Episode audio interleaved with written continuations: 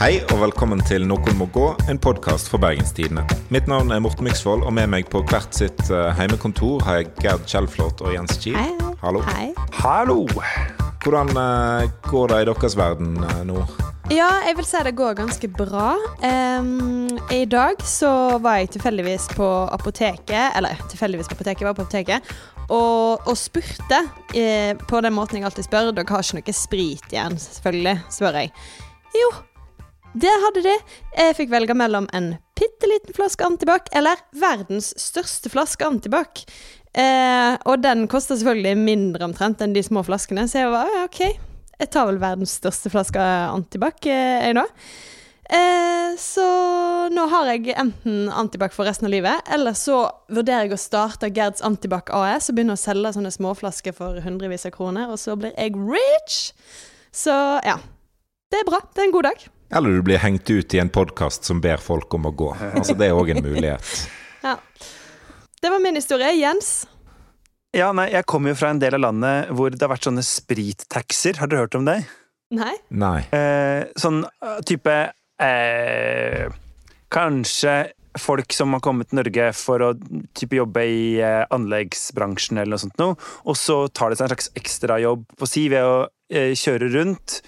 Og liksom, altså, ungdommer på Oslo vest da ringer opp til Vladik og sier du kan levere eh, to liter polsk vodka hos meg klokka sju, og sånt noe.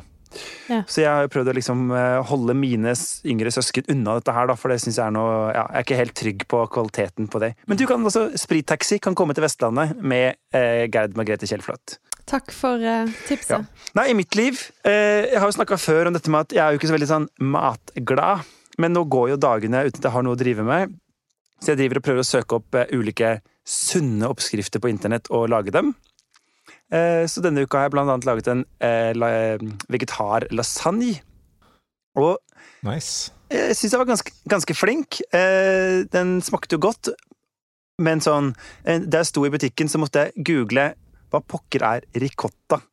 Altså, det er mye sånne nye ting som dukker opp. Og så har jeg jo eh, men, men jeg har lært meg det, da. Men den, det er jo sånn Vegetarmat må det alltid smake som sånn godt, men det hadde vært bedre med kjøtt. Er det noen måte å unngå det på? Åh, Jens. Krydder. Um, det det fins måter å unngå det på, men du høres ut som far min. Du, jeg hadde laurbærblad oppi fôret. Ja, altså Gode mengder med koriander og spisskummen hjelper på alt, så kjør på. Men gode mengder med storfekjøtt hjelper også på. Nei. Nei, altså det er, en, det er en greie om at kjøtt liksom smaker så voldsomt masse sånn på egen hånd og sånt. Og det, altså, krydderet tar jo mye, gir jo mye av smaken. Så det går helt fint å spise vegetar. Du må bare, du må bare være litt kreativ. Okidok. Du, da? Nei, jeg har eh, Altså, det har jo egentlig ikke skjedd noen ting før jeg her for et par dager siden merka at alt er forandra. Og ikke det at vi er hjemme og det er krisetid og alt sånt, men jeg gikk til butikken, som er sånn 200 meter unna, på fortau, og da kom det noen folk imot meg. De løfta opp hodet når de så meg, smilte og nikka. Som om vi var på fjellet. Altså Helsekulturen som vi har snakka om i Og Vestland-spalter før, virker å være i total endring. Eh, Og min eneste konklusjon er at all den nedstengingen her har gjort at en ser nå på gate og fortau som villmark, og at det da er greit å hilse eh, på andre mennesker bare fordi de beveger seg utendørs. Og jeg vet ikke om jeg liker det. Men, men stemmer ikke det? Altså fordi eh, Jeg har lest noen sånne saker om hvordan nå sånn eh, rovdyrene tar tilbake gatene og parkene og Ja, at liksom Fordi menneskene ikke lenger er der ute, så kan på en måte gnuen gå rundt i Romas gater som før. ja det er flere, flere saker om det. Det er en by i Wales der geitene har overtatt, og i San Francisco er det hva var det, rev i gatene, om jeg ikke husker feil. Eh, Så, så det skjer jo. Så, så kanskje det er noe der. At uh, nå er det å gå på butikken det samme som å gå til rundemannen.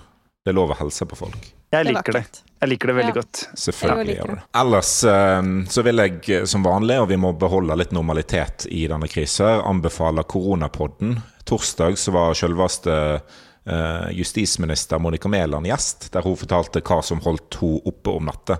Og det var ikke Fila-tøflene, eh, eller sandalene, som det kanskje heter. Eh, men mer om Men du, det spørsmål. Ja.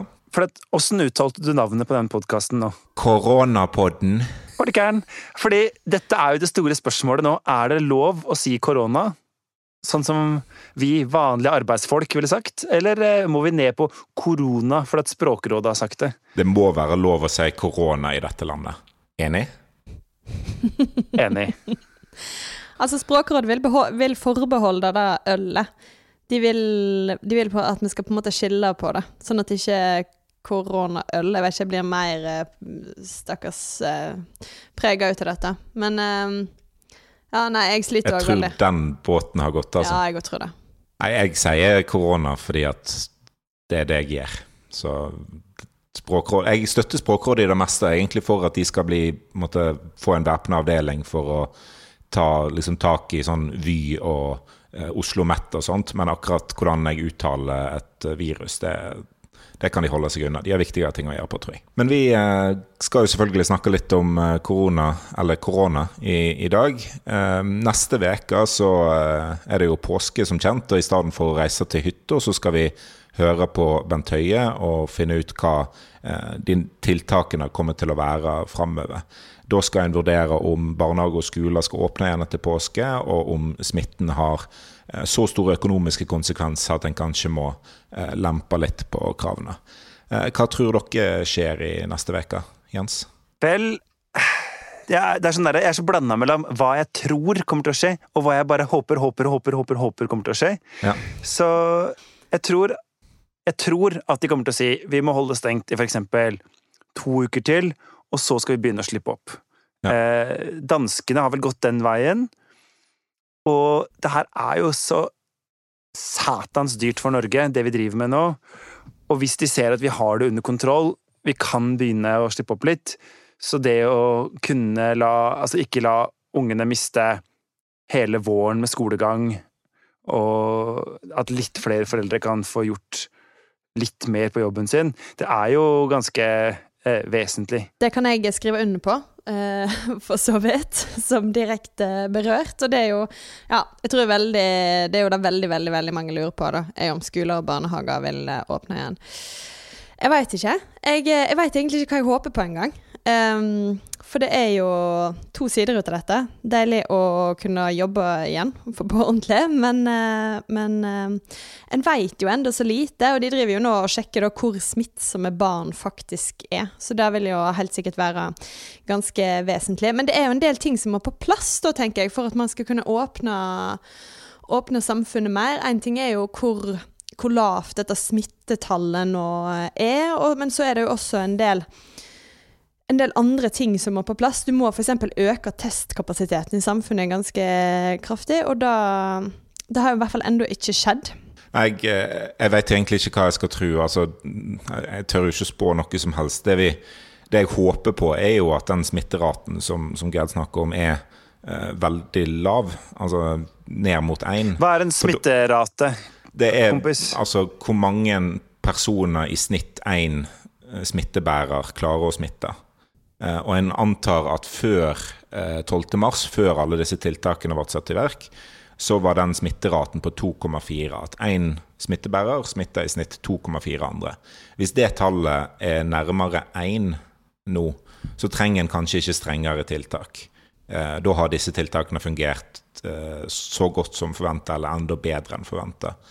Eh, så jeg håper jo eh, på et så lavt smittetall som mulig, da, eh, for å måtte slippe eh, eventuelt strengere tiltak, og håpe at det går an å, å slippe det opp. Men jeg, jeg er ikke så veldig optimistisk på at det går an å liksom slippe det løs helt ennå, fordi at en, det en baserer seg på, er eh, eh, da testing.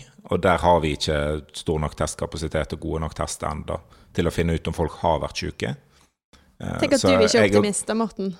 Ja, så jeg, jeg tror nok at det kommer til å ta et par uker til, i hvert fall, før en kan slippe nok opp. At en har de tingene som skal på plass, da. Men jeg må si, et par uker til, det er ikke det som skremmer meg. Eh, Nei. På en måte, altså, Nå hørtes jeg ut som jeg er en voldsom tøffing, da, men det var det der at hvis, hvis vi, har, hvis vi kommer og sier om to uker så skal vi begynne å slippe opp, så går dette livet helt greit. Det er litt sånn stress, men det skal ja. vi takle. Det er jo mer hvis de sier vi, vi ser i første omgang for oss at vi må holde det på dette nivået til november, og så får vi ta det litt derfra. Det kommer ny, ny pressekonferanse, kommer i advent. For da, da, skal det bli en tung sommer og høst. Og så tenker jeg også at det går kanskje an eh, Eller jeg håper da at når det her første sjokket har lagt seg, som det jo har gjort litt i Norge nå, at vi kan begynne å ta kanskje de litt sånn ubehagelige diskusjonene om for eksempel eh, Hvis vi i litt større grad isolerer de som er i risikogruppene, altså folk som er eh, sjuke, folk som er gamle osv., så, videre, så kan mer av samfunnet gå tilbake til normalen.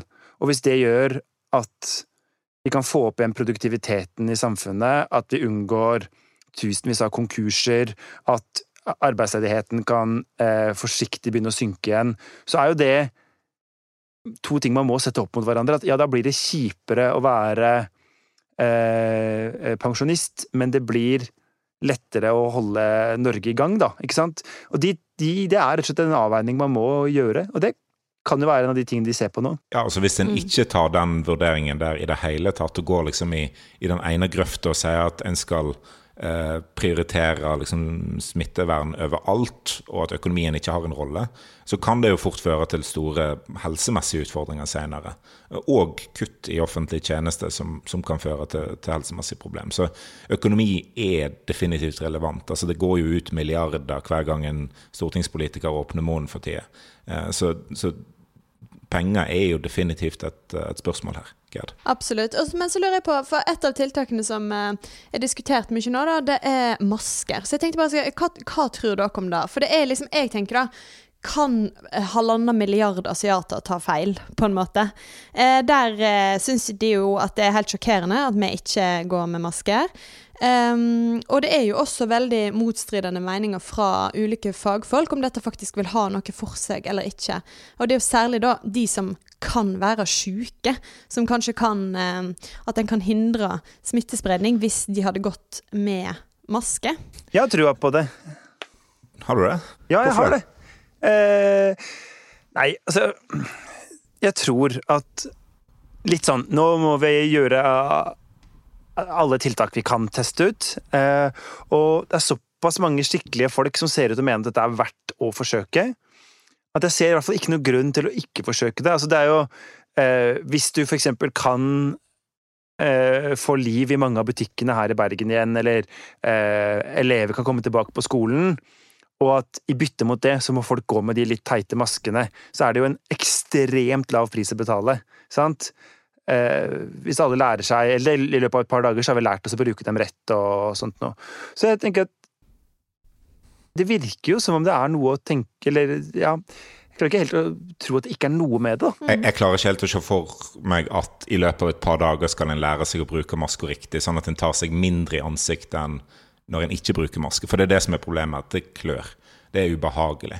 Og folk går fortsatt og tar på ting på butikken uten å kjøpe varene. Folk går fortsatt tett inntil hverandre. Det er fortsatt mange som, som ikke klarer eh, den énmetersregelen. Så jeg, jeg, tror ikke at en klarer å liksom plukke opp en hanske fra ei, en boks på, på polet uten å liksom ta på uh, de hanskene òg som, som, ligger igjen.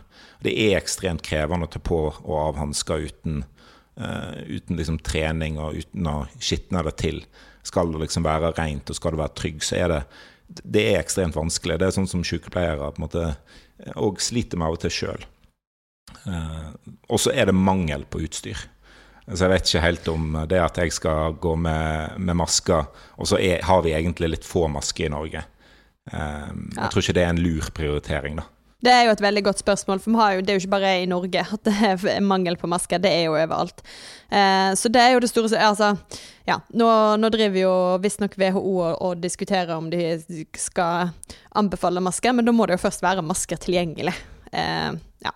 Så det, og det er, da, da. det er mange av disse tiltakene som eh, en har snakket om, som kanskje kan hjelpe oss i måte neste fase, når vi ikke er så isolert lenger. Eh, men eh, de framstår ikke tilgjengelige per i dag, da. Så derfor tror kanskje jeg òg at vi må vente til litt etter påske før ting slipper enda mer opp. Fordi det bare framstår ikke som at vi er klare i samfunnet for på en måte At vi har nye tiltak klar, da. Nei, men jeg tenker sånn eh, Det er masse muligheter her for å slippe opp litt. Altså si eh, Vi åpner barer og puber som har mindre enn 50 plasser, og vi åpner de fram til klokka ti på kvelden. Ikke seinere. Vi åpner ikke for idrettsarrangementer og store konserter, men vi åpner for eh, liksom noe mer organisert idrett i små grupper. Altså det, det fins jo utrolig mye man kan eh, på en måte justere på her, da. Eh, og ja. det er litt sånn som med de maskene, at hvis eh, det trenger ikke være et krav at 100% bruker dem rett, eller at 100% det hele tatt bruker dem, men hvis for eksempel 60% bruker dem, så er jo det veldig mye bedre enn null, hvis, hvis det har noe for seg. ikke sant? Altså sånn, ja. at sånn blir det jo hele veien her, at målet er jo ikke er jo ikke null spredning i samfunnet. Men uh, hvis vi skal kanskje gå litt videre, da, så er jo en av de tingene som uh, jeg snakker om som det neste på en måte tiltaket som kan, uh, kan hjelpe å bremse smitten fra å spre seg, er jo denne appen som Folkehelseinstituttet nå får utvikla. Eh, som da kort fortalt er en app man laster ned, eh, som lagrer opplysninger om hvor en beveger seg til hver tid. Og det er veldig nøyaktig data, for det skal kunne brukes da i neste omgang til å finne ut hvem du har vært i nærkontakt med, altså hvem du har vært innenfor to meter unna lenger enn 15 minutter. Eh, hvis du blir syk, For da skal de få beskjed om at de kan være utsatt for smitte, og dermed gå i karantene. Eh, kommer du til å laste den ned, Morten? Jeg er veldig skeptisk. Eh, jeg er i utgangspunktet skeptisk til overvåking på telefon og, og sånt. Jeg innser jo at Facebook og Google vet hvor jeg er til hver tid. Men jeg er skeptisk til at staten skal vite det. Eh, og jeg er skeptisk til å, å laste ned en app som er laga på veldig, veldig kort tid, eh, og der dataene kan komme på, på avveie. Så det er jeg skeptisk til. Jeg ble jo litt mer positiv med en gang en sa at det skulle være frivillig. Ehm, da er det i hvert fall en åpning for å, å, ikke laste den ned. Men det er jo klart at hvis den skal være effektiv, så må jo mange bruke den. Ja, nesten alle. Ja, eh, så, så, det er jo Jeg er jo redd for at det kommer en sånn eh, Der folk som, som, ikke bruker denne appen, blir anklaga for å, å ikke bidra til, til smittevern. Da. Eh, og det det er jo et sånn klassisk eh, personvernargument eh, at ja, men du har ingenting å skjule, så du kan, du kan bare la måtte, staten spore deg. For det, jo, det, kommer jo noe godt ut av det. Eh, ja. Og så er jeg ikke sikker på hvor masse godt som kommer ut av det, for det må òg kombineres med, med testing, eh, storstilt mm. testing, og det må fungere. Og det er ikke gitt at en app som er laga på kort tid, som samler alt inn til én sentral database fungerer skikkelig. Denne appen, den har jeg trua på. Dette blir bra. Eh, og når eh, eh Morten Myksvold her eh, nekter å bidra til den store dugnaden som eh, byens store heltinne Erna Solberg har invitert oss alle med på, så må jo vi andre ta jobben. Altså, jeg tror Altså, jeg, jeg, må si jeg gleder meg til å laste den ned.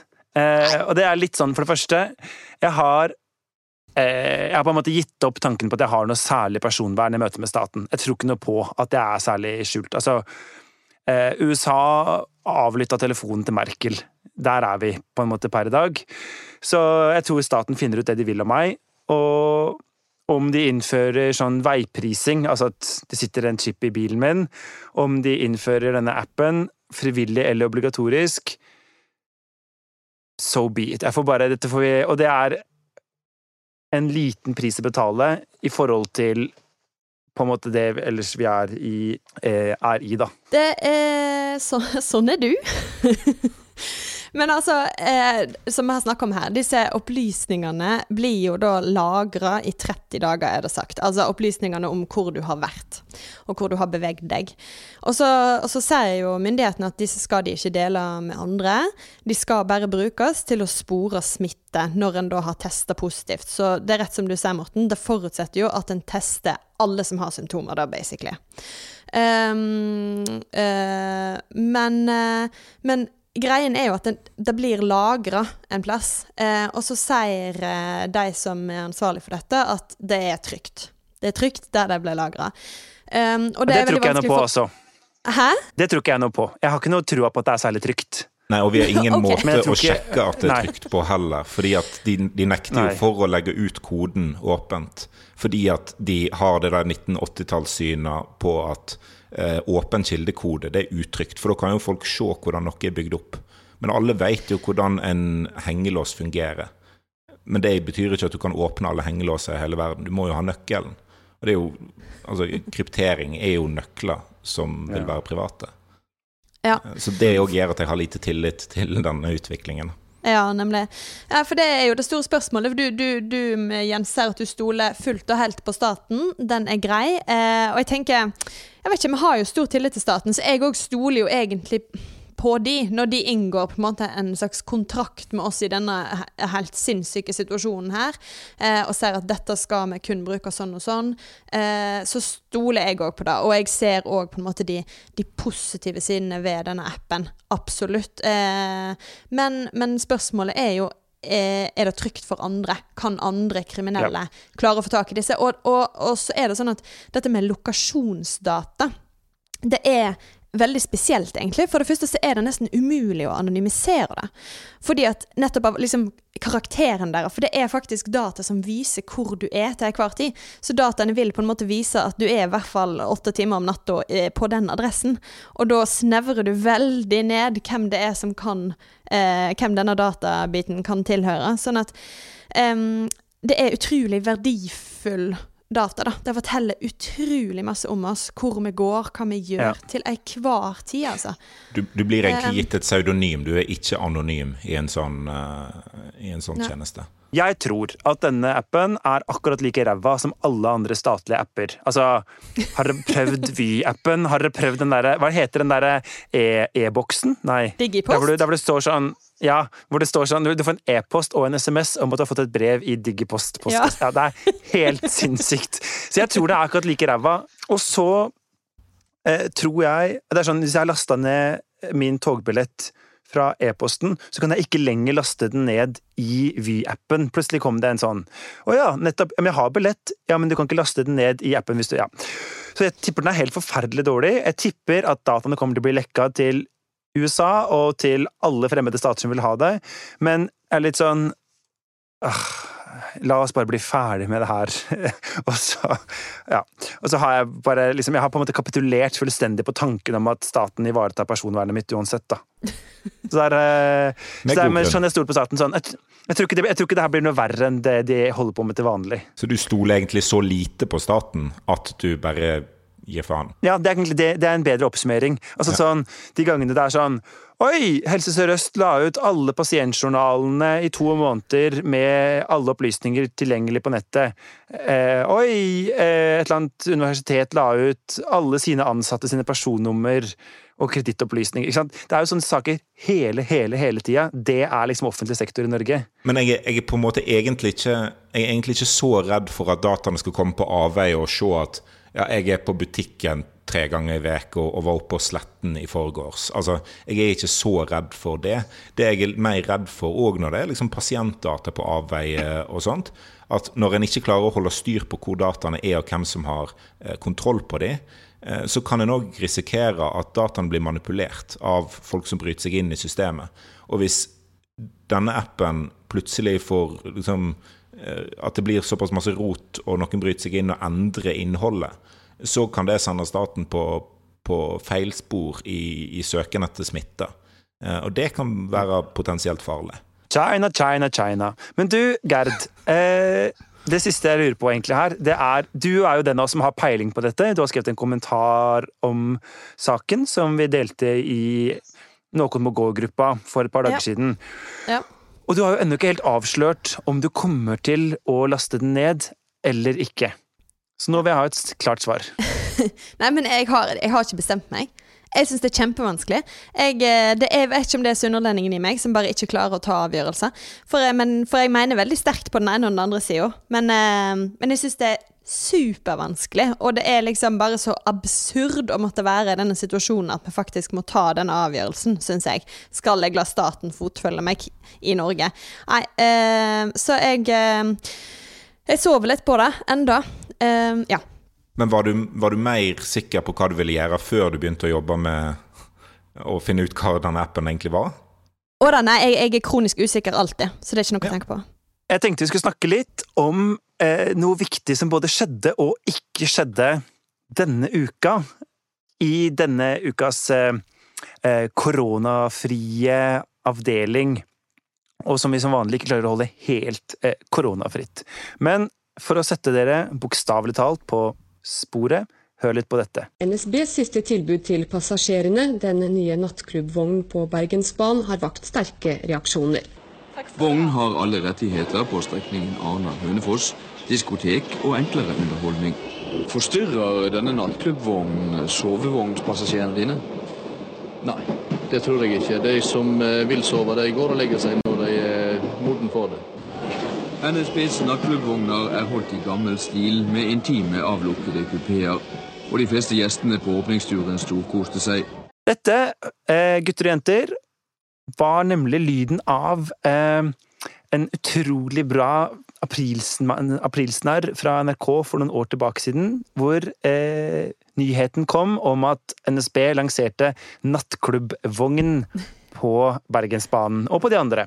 Jon Lilletun fra KrF raste selvfølgelig i dette innslaget, og fråhalsfolket var veldig kritiske, mens ungdommen, som kunne jazze seg over fjellet, superfornøyd. Og det vi egentlig da skal prate om, det er eh, Er mulig å drive med aprilsnarr hva heter det for noe? I disse koronatider. Eh, hvor er du på den eh, bagen, eh, Gerd? Jeg mener nei, men jeg mente også nei før disse koronatider. Men det har vært en utvikling hos meg også, da, vil jeg si. BT slutta jo å være gøy i 2017. Eh, da la, la Har BT da- noen gang vært gøy? Er ikke vi bare verdens mest nerdeavis? Jo, vi er faktisk verdens mest nerdavis. Men vi hadde hvert Vi er liksom Vestlandets uh, Le Monde-diplomatikk. Ja.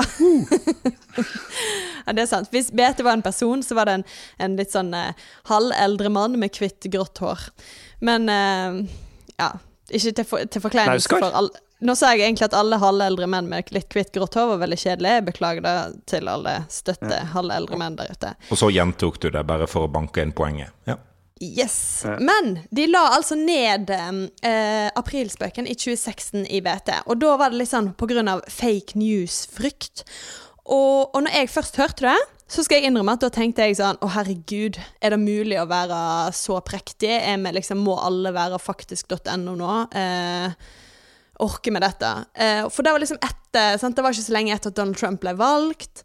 Og da følte jeg at å, det var sånn herre Hele verden var liksom nødt til å gjøre en sånn ekstrem motreaksjon hele tida. Eh, på at nå er vi så ordentlig og redelige og sånn. Ja, så langs den skillelinja hore-Madonna for BT, så ville du litt mindre Madonna? Ja. Litt mer hore i monitor, takk. Den er grei. Jeg tror ikke det er lov å si. Men, men har du, du har skifta syn, altså? Ja, for at nå merker jeg at jeg syns at det der med aprilspøk er litt harry. Um, Ja. ja. Men gjelder det også hvis du blir lurt sånn på det personlige plan? Jeg blir veldig sint. Så det, det Jeg har aldri syntes at det har vært gøy å bli lurt. Jeg har aldri syntes at det har vært gøy å lure andre. Jeg bare skjønner ikke hvorfor noen skal orke å bruke eh, ressurser på det. Og da er faktisk også en ting som har gjort at jeg mener at um, vi i media ikke kan drive med det lenger. For vi kan ikke bruke de få ressursene vi har til å finne på en sak hvert år. på en måte. Altså, okay, Det er én sak hvert år, men nei. Det blir for dumt at vi skal drive på sånn. Eh, og, og, så derfor er Bare til våre kjære til våre lyttere. Nå i det løpet av det siste minuttet så har Gerd gått fra på en måte vanlig å snakke på videoen her, til å peke, hytte, gestikulere, ta seg til panna. Altså, det er, det er så mye liv borte på dokken eh, nå. Bryter alle koronaregler og tar meg i fjeset. Men eh, du, Morten eh, Myksvold. Hele Strilelandets gladfis. Hvordan eh, stiller du deg egentlig til det gøyale fenomenet aprilsnarr? Jeg, er, jeg er nå like glad i humor som, som de fleste, jeg. Jeg bare syns ikke at kalenderen skal styre hvor gøy vi skal ha det. Så hvorfor skal alle liksom lure folk på samme dag? Det, det er grusomt teit. Det er nest, altså, jeg har, Siste gode aprilspøken jeg så, tror jeg var denne nattogspøken.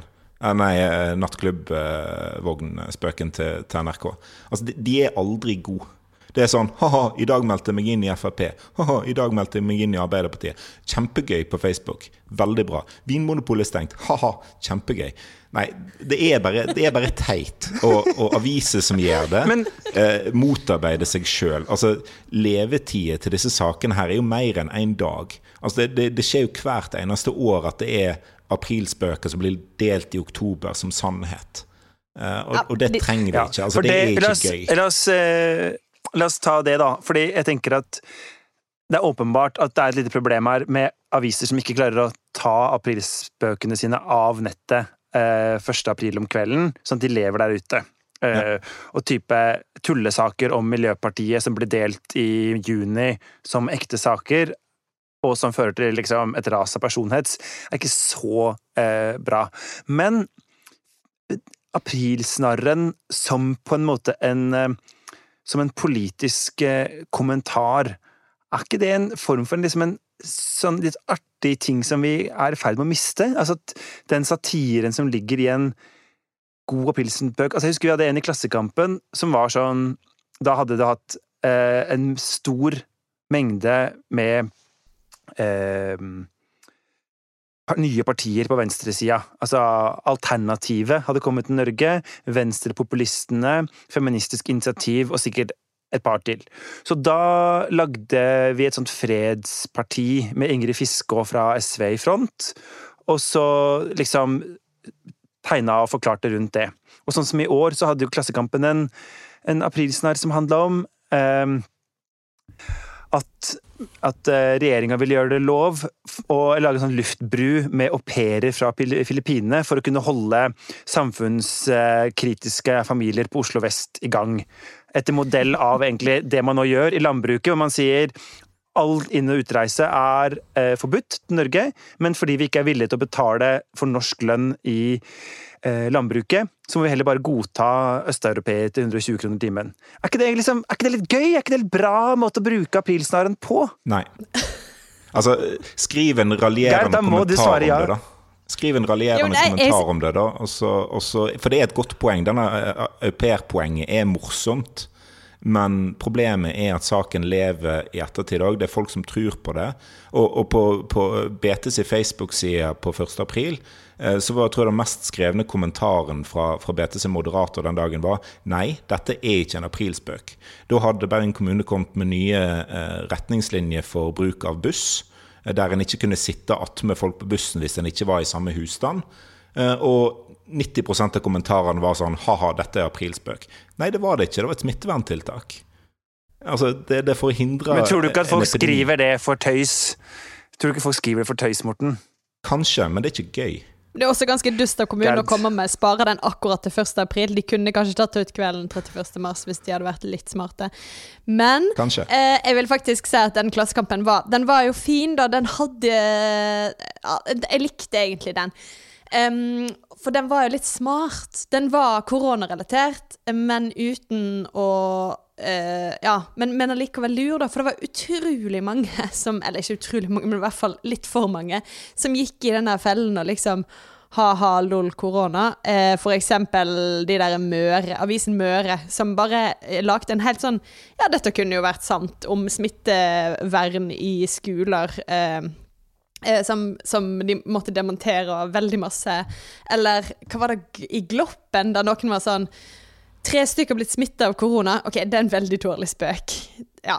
Det, det var en arbeidsplass som hadde sendt ut Det var en e-post som hadde gått ut der folk kunne sende inn urinprøver for å bli koronatesta. Liksom. Som sikkert er kjempegøy å få masse urinprøver inn på kontoret ditt fordi du har Det er kommet med en dårlig gjennomtenkt. liksom, gjennomført spøk. Men, men hva sitter du igjen med, da? Masse piss. Men jeg synes, jeg likte eksempel den som ble ganske mye delt, om sånn eh, Jan Hanvold i Visjon Norge har bedre peiling på korona enn de fleste av oss. Så eh, folk er nå bedt om å sende en pose med avføring til hans redaksjon i Drammen for koronatesting. Eh, Men en sånn er jo så fullstendig over the top at, at folk går jo ikke på den. sant? Så urin er ikke over the top, men avføringa er over the top. altså, jeg tror ikke jeg skal ta den vurderingen. Nei, det var du som tok den! Ja. Du har akkurat gjennomført den. Bra. Nei, men Da konkluderer vi vel med at eh, vi alle sammen syns det er litt gøy med aprilsnarr, og at vi håper at flere aviser tar opp igjen den gode tradisjonen der. Jens. Nei. Nei, nei. Vi skal videre til nok et segment som Jens kontrollerer fullt og helt med sine krisefullmakter. Eh, hvor eh, skal du eh, ta oss i dag, Jens? Ja, altså, Først og fremst må jeg bare si til eventuelle østlendinger der ute Redd meg hjem fra denne surmaga gjengen her, ass. Men ok, da skal vi gå videre. Eh, fordi nå skal vi Du kan ta første fly når det går sånn i november en gang. Ja, rett etter den pressekonferansen med nye smitteverntiltak fra Monica. Ja. Altså, eh, nå skal vi rett og slett til noe av det mest erkebergenske som eh, finnes. Så ta en liten lytt til dette.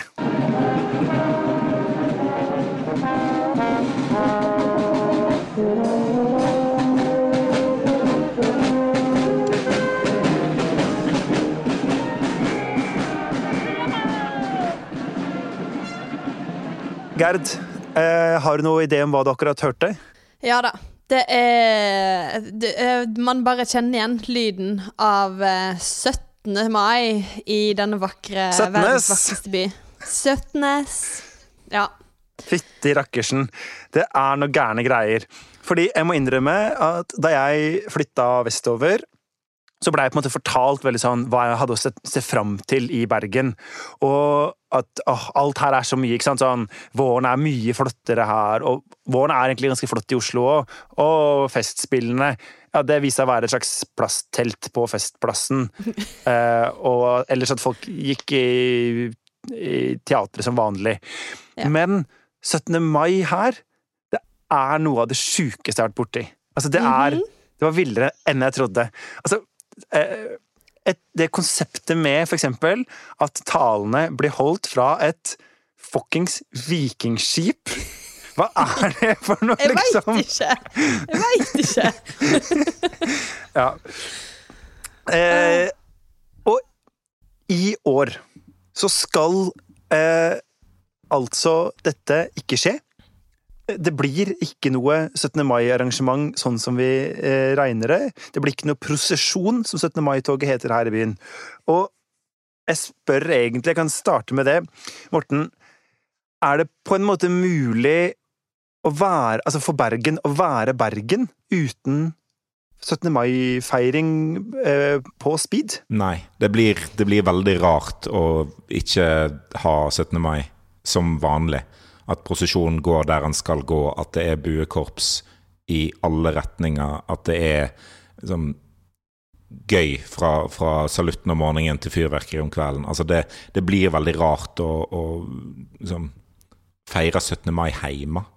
Altså, hva, hva er det for noe tull? Det, ja, du kan feire 17. mai hjemme med champagne om frokosten, men så skal en jo ut. Da skal en på mannskor i tinghuset, en skal på matiné på teateret, en skal på prosesjon en skal, liksom, Det er så mange ting en skal den dagen, som en nå går glipp av. Så det, det, det er trist, rett og slett. Men for at det som nå kommer eh, Det er masse greier som eh, Altså, som vi ikke kan gjøre, men det kommer jo også da for eksempel Vi skal få se gamle prosesjoner sendt på nett-TV. Eh, det blir Det blir den derre salutten fra Skansen, som jo vekker sikkert halve Vestlandet og bort til Shot- eh, eh, Shetland. Ja, det merker jeg nå. Du, hva får du hvis du parer eh, Shetland og Skottland? Shotland! Eh, og så Godt jobba, Jens. eh, lurer de på å dele ut is til barna, men de tror egentlig ikke de finner en løsning for å gjøre det. De lurer på om det finnes en måte å enten ha, eh, eller å ha buekorps som kan tromme i gatene, for det syns jo alle er veldig koselig. Ja. Og de ser på en mulighet for å ha elektriske biler i prosesjon, og et fyrverkeri som ingen må samle seg for å se på. Jeg, eh, Gerd, jeg merker at når jeg leser denne oversikten, så får jeg nesten litt sånn Er det ikke bedre å bare drite i? Og, og bare si det blir ikke noe feiring. Fordi disse tingene er så substituttaktige, liksom. Hva, hva Ja. tenker du? Jo, jeg er litt enig. Og så um, ehm, har det slått meg nå eh, Jeg fikk litt sånn eh, flashback til en av de første Noen må gå-episodene, der vi diskuterte dette 950-årsjubileet til Bergen. Uh, husker Hei, hei, hallaisiken! Hei, hei.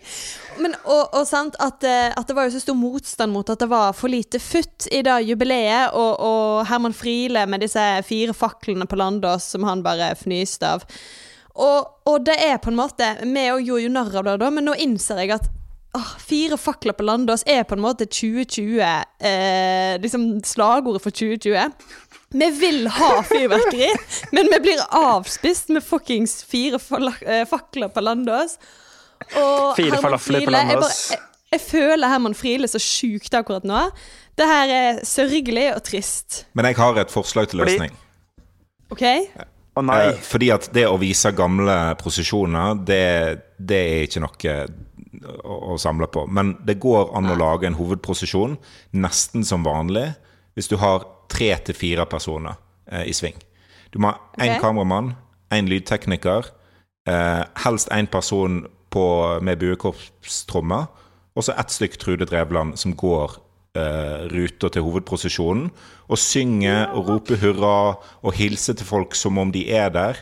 Eh, Og bare leve seg 100% inn i det. Da får vi det nærmeste vi kan komme en hovedposisjon eh, i, i år. Men kan vi da kan vi da få selveste Herman Friele til å gå den andre veien? For de skal vel møtes, disse to? Er det ikke sånn? Ja, han kan for så vidt lede flaggtoget som har buekorpsene i seg, da, og, og en barneskole Ja. og sånt, men de, de er jo stengt, så de får ikke være med. Så de kan på en måte møtes på engen eh, og, og vinke med minst to meters avstand. Eh, så det, det må være mulig å få til. Jeg tenker eh, at Nå var jeg løsningsorientert. hva er det Ja, dette var bra. Nå leverer du, mikser. Ja, men jeg jeg blir, jeg, jeg, jeg, blir skremt av det. Jeg kjenner at jeg ikke egentlig liker det så godt. Jeg liker best det der eh, svartsynet som, eh, som du bidrar så fint med, Morten. Jo, men det, det kommer jo til å være trist, for vi får, får ikke den tradisjonsrike motorstoppen til en av de der haugamle brannbilene på Bryggen, som nesten alltid skjer. sant? Altså, Vi får ikke turningen, vi får ikke 100-årsjubileet til denne sy- sykkelklubben som ble stifta for kanskje ti år siden. sånne- Altså, Drita småbarnsfedre som holder på å sykle inn i folkemengden. Å, det er så nydelig, det. Inkludert et par av våre gode kollegaer. Nei, og så er det kanskje et eller annet med at vi har eh, Altså denne saken, da. Til vår gode kollega Reidun, som har gått gjennom hva er det som blir. ikke sant? Så er det sånn, Hun har en sånn eh, avdeling der som heter Men hva med? kolon. Og så er det bare sånn eh, Det blir neppe utepils. Eh, matbodene? Spørsmålstegn. Alle boder utgår. Eh, eh, ballongsalg. Det er forbud mot heliumsballonger. Altså, det er liksom bare Det er så sørgelig, det vi skal i møte. Så kanskje er det best å bare si det blir ingenting. Gjør som dere har lært dere alle sammen nå. Eh, drikk dere fulle på en hverdag hjemme i ditt eget eh, hjem. Eh, helt for deg sjæl. Og la det stå til. Den beskjeden er sponsa av Jens Kiels folkehelseinstitutt. AS. Lutlaget Jens Kiels folkehelseinstitutt. Uh, ja, for det er Eller eventuelt kunne vi ha flytta det til en annen dag? Nei. Nei, nei, nei, nei, nei. 17. mai er 17. mai, og går man glipp av 17. mai, så får man ta det igjen neste år. Sorry, ass. Er det så strengt? Ja, det er faktisk så strengt. Det er det faktisk. Åh, Jesus, tradisjonalister. Vi kunne flytta det til for eksempel Er det ikke 5. august som er Ivar Aasens bursdag? Nei. Jo, det, det går jo selvfølgelig, Ja, jeg bare spiller inn. Ja. Eh, veldig bra. For øvrig, jeg tenker jeg skal, vi skal få delt den eh, nattklubbvognsaken i gruppa. Sånn at alle Ja, kan få kost seg med den. For det vil jo skape stemning uansett. Ja. Ja. Så egentlig, den saken eh, Her er 17. mai-komiteens plan B. Eh, det er jo ikke noen plan B. Det er jo bare en plan Y, føles det som. Men det får vi bare leve Men det er én normal ting med, med 17. mai i år. Da, er at jeg mest sannsynlig kommer til å høre 'Ja, vi elsker' like mange ganger som på en vanlig 17. mai. Null ganger. Eh, og så må jeg eh, ta ansvar for Nystemten og eh, Mellom Bakker og Berg på Nordmannen på egen hånd. Eh, for det er jo de Ja. sangene som Mange vers kan du av nordmann, egentlig, Morten? Det varierer ut fra dagsform. Promille? Ja. Jeg leverer stødige åtte vers. Jeg bare nevner det sånn i forbifarta. Det er faktisk mitt eneste partytriks. Det er litt trist å tenke på. Jeg pleier som oftest når jeg står opp med den pinnsvinstøtta til Studentersamfunnet og synger Nordmannen på 17. mai, så pleier jeg å ta noen ekstra slurker av ølen når jeg ikke kan teksten ut i sånn tredje vers engang. Eh, For det er på en måte en Tredje? Ja, det var litt tidlig. Altså, Han så ut på det bårete havet.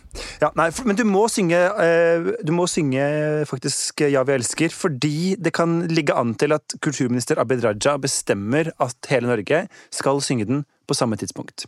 Så det blir koselig for deg. Da konkluderer jeg med at vi alle sammen er enige om at vi skal synge 17. mai eh, inn, alle sammen, etter instruks fra Abid Raja. Det var hyggelig. Før vi avslutter i dag, eh, hvem er det som eh, må gå denne veka? Det blir jo Herman og Truden, da. Ja, de må gå i prosesjon. Eller tog, Hvert som dere kaller det borte på Østlandet. Train. Vi kaller det Vy.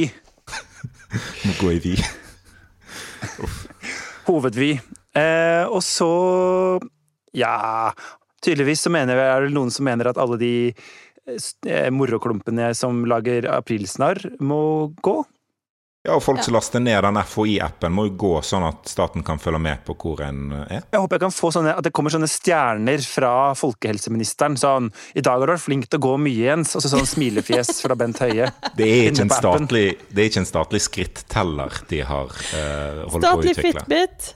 Det er så bra. Innspill og tilbakemeldinger og oppsummering av alt Jens har ment feil i denne episoden, kan sendes til nmg.alfakrøllbt.no, eller skrives til oss i Facebook-gruppa Nokon Noen må gå. Vi kommer med en ny episode i løpet av påskeveka. Noen må gå skal være oppstanden. Intromusikken var 'Bergensere' av Bjørn Torske, produsent for Henrik Svanevik. Du finner oss i podkastappen BT Lytt, der du òg finner Koronapodden og veldig masse annet bra lydinnhold fra BT. Til neste gang, ha det bra. Hei da. Ha det.